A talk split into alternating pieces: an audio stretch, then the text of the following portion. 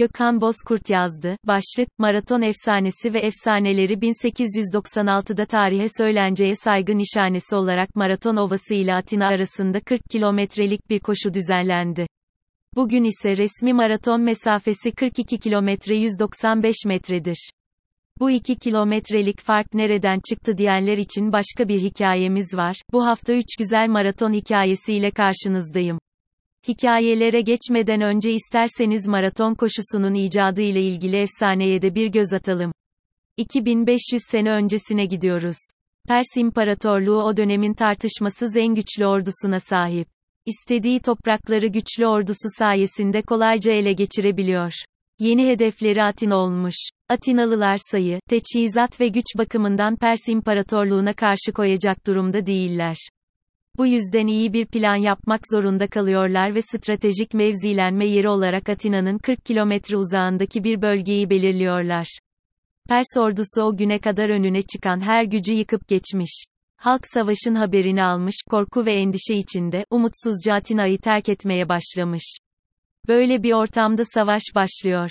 Günler süren mücadelenin sonunda bu savaşı sürpriz bir şekilde Atinalılar kazanıyor. O günün şartlarında teknoloji yok, hiçbir iletişim ve haberleşme aracı yok. Bu yüzden bu müjdeli haberi bir an önce Atina halkına vermesi için savaş meydanından bir askeri ulak olarak görevlendiriyorlar ve Atina şehir merkezine gönderiyorlar. Asker o kadar mutlu ve heyecanlı ki müjdeli haberi hemen Atina halkına bildirmek için koşmaya başlıyor. Hiç durmadan 40 kilometre yol koşarak Atina merkezine varıyor ve bu haberi tüm halka iletiyor. İşte, bir insanın bu kadar uzun mesafeyi hiç durmadan koşabileceği ilk defa o zaman öğrenilmiş oldu. Savaşın yapıldığı ve askerin haber vermek için koşmaya başladığı o ovanın adı ise Maraton Ovası'ydı. O günden itibaren bu müjdeli haberi getirmek için askerin yaptığı koşu halk arasında maraton koşusu olarak dilden dile anlatılan bir efsane haline geldi. 1896 yılında ilk modern olimpik oyunların düzenlendiği Atina'da, tarihe ve bu söylenceye saygı nişanesi olarak Maraton Ovası ile Atina arasında 40 kilometrelik bir koşu düzenlendi.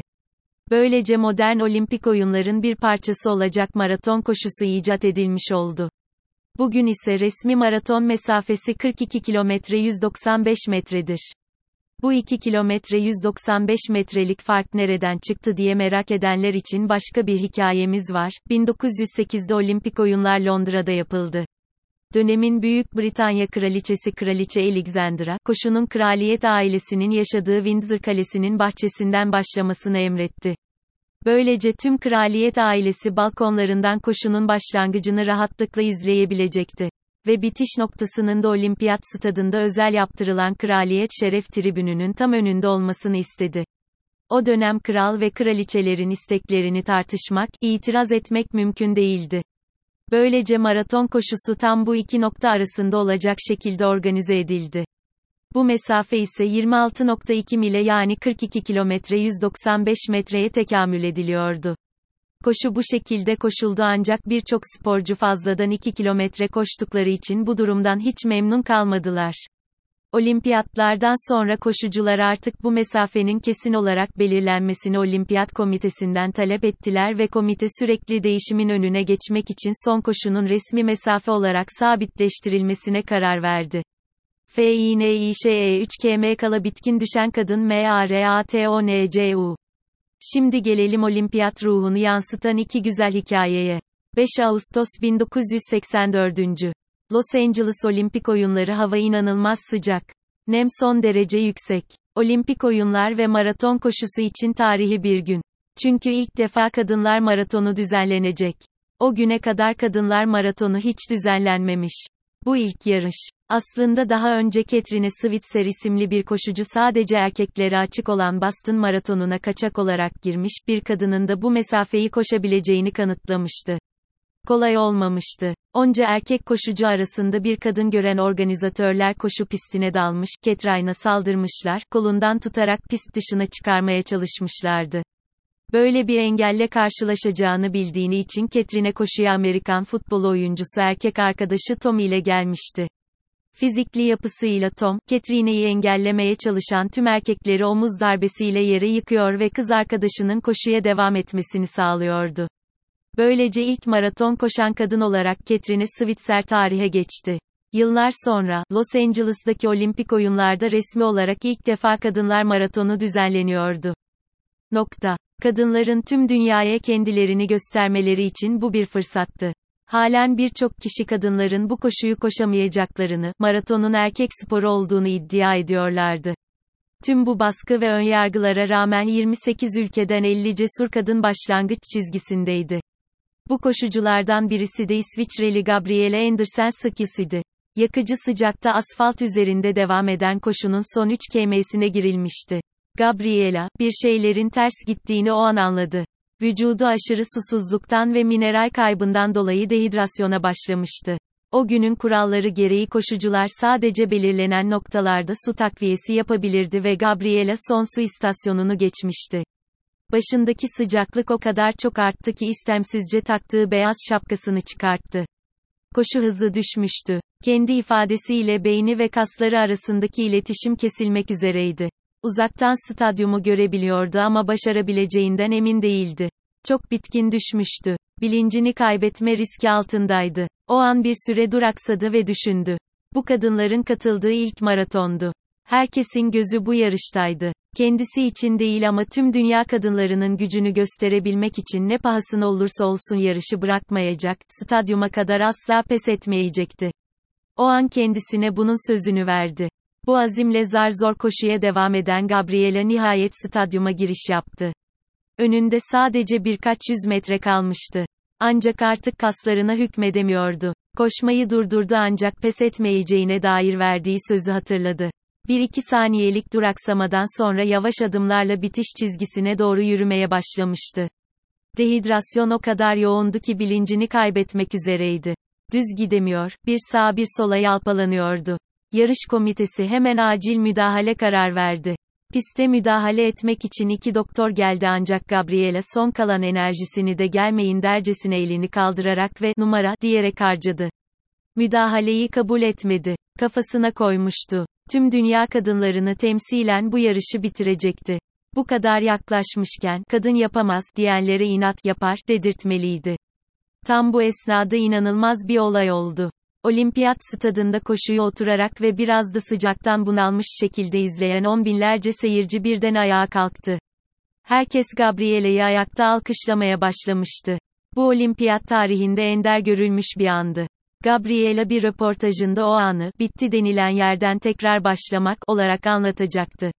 Hayatında ilk defa on binlerce insan onu ayakta alkışlıyordu.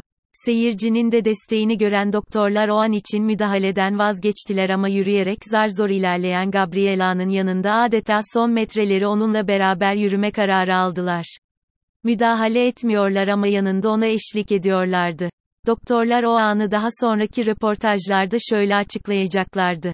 Sağa sola doğru yalpalayarak zorlukla yürümesine rağmen yön duygusunu kaybetmemiş, sadece ileriye doğru gidiyordu. Bu bizim için bilincinin yerinde olduğuna dair bir kanıttı.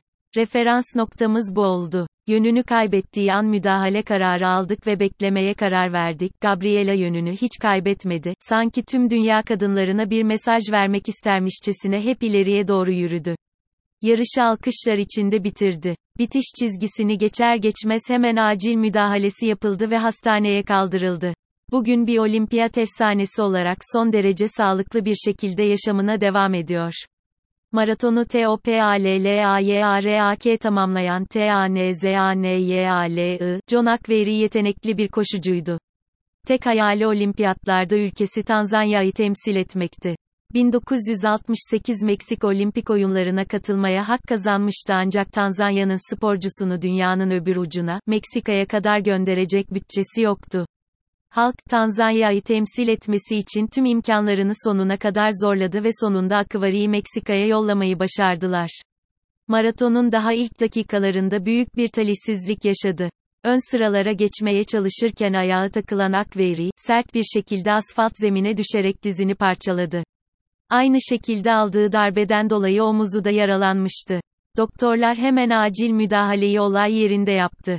Dizi çıkmış olabilirdi, acilen hastaneye kaldırılması gerekiyordu. Akveri yarışı bırakmayı kesin bir dille reddetti.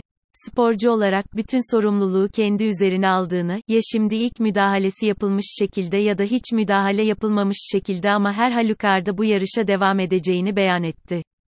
Nokta. Doktorlar mecburen ilk müdahaleyi yaptı ve Akveri'nin dizini geçici olarak sargı bezleriyle sardılar. Akveri adeta dizi parçalanmış şekilde koşmaya devam etti. Koşmaktan ziyade aslında sadece topallıyor, duruyor dinleniyor sonra topallayarak tekrar devam ediyordu.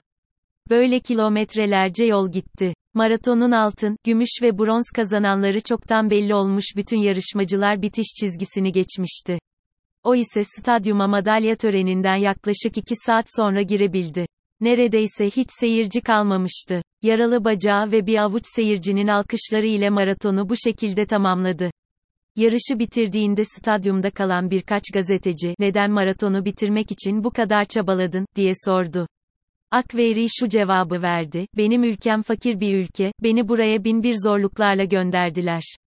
Buraya ülkem adına bir yarışa katılmaya değil, ülkem adına bu yarışı bitirmeye geldim. O yüzden devam etmeliydim. Spor tarihinde bu ve benzeri birçok destansı hikayeler var. Tam da bu yüzden olimpik oyunlar, The Best Games Ever, yani en iyi oyunlar sloganı ile düzenlenir. Buradaki en iyi olma terimi skor ve sonuçtan bağımsızdır. Olimpik oyunlar sportif, organizasyon ve fair play açısından en iyisi olmalıdır. Sonuç kadar, süreç de önemlidir. Bu yüzden olimpik oyunlar insanlığın dayanışmasını ve birlikteliğini ifade eden simgesel ve kültürel bayramlardır.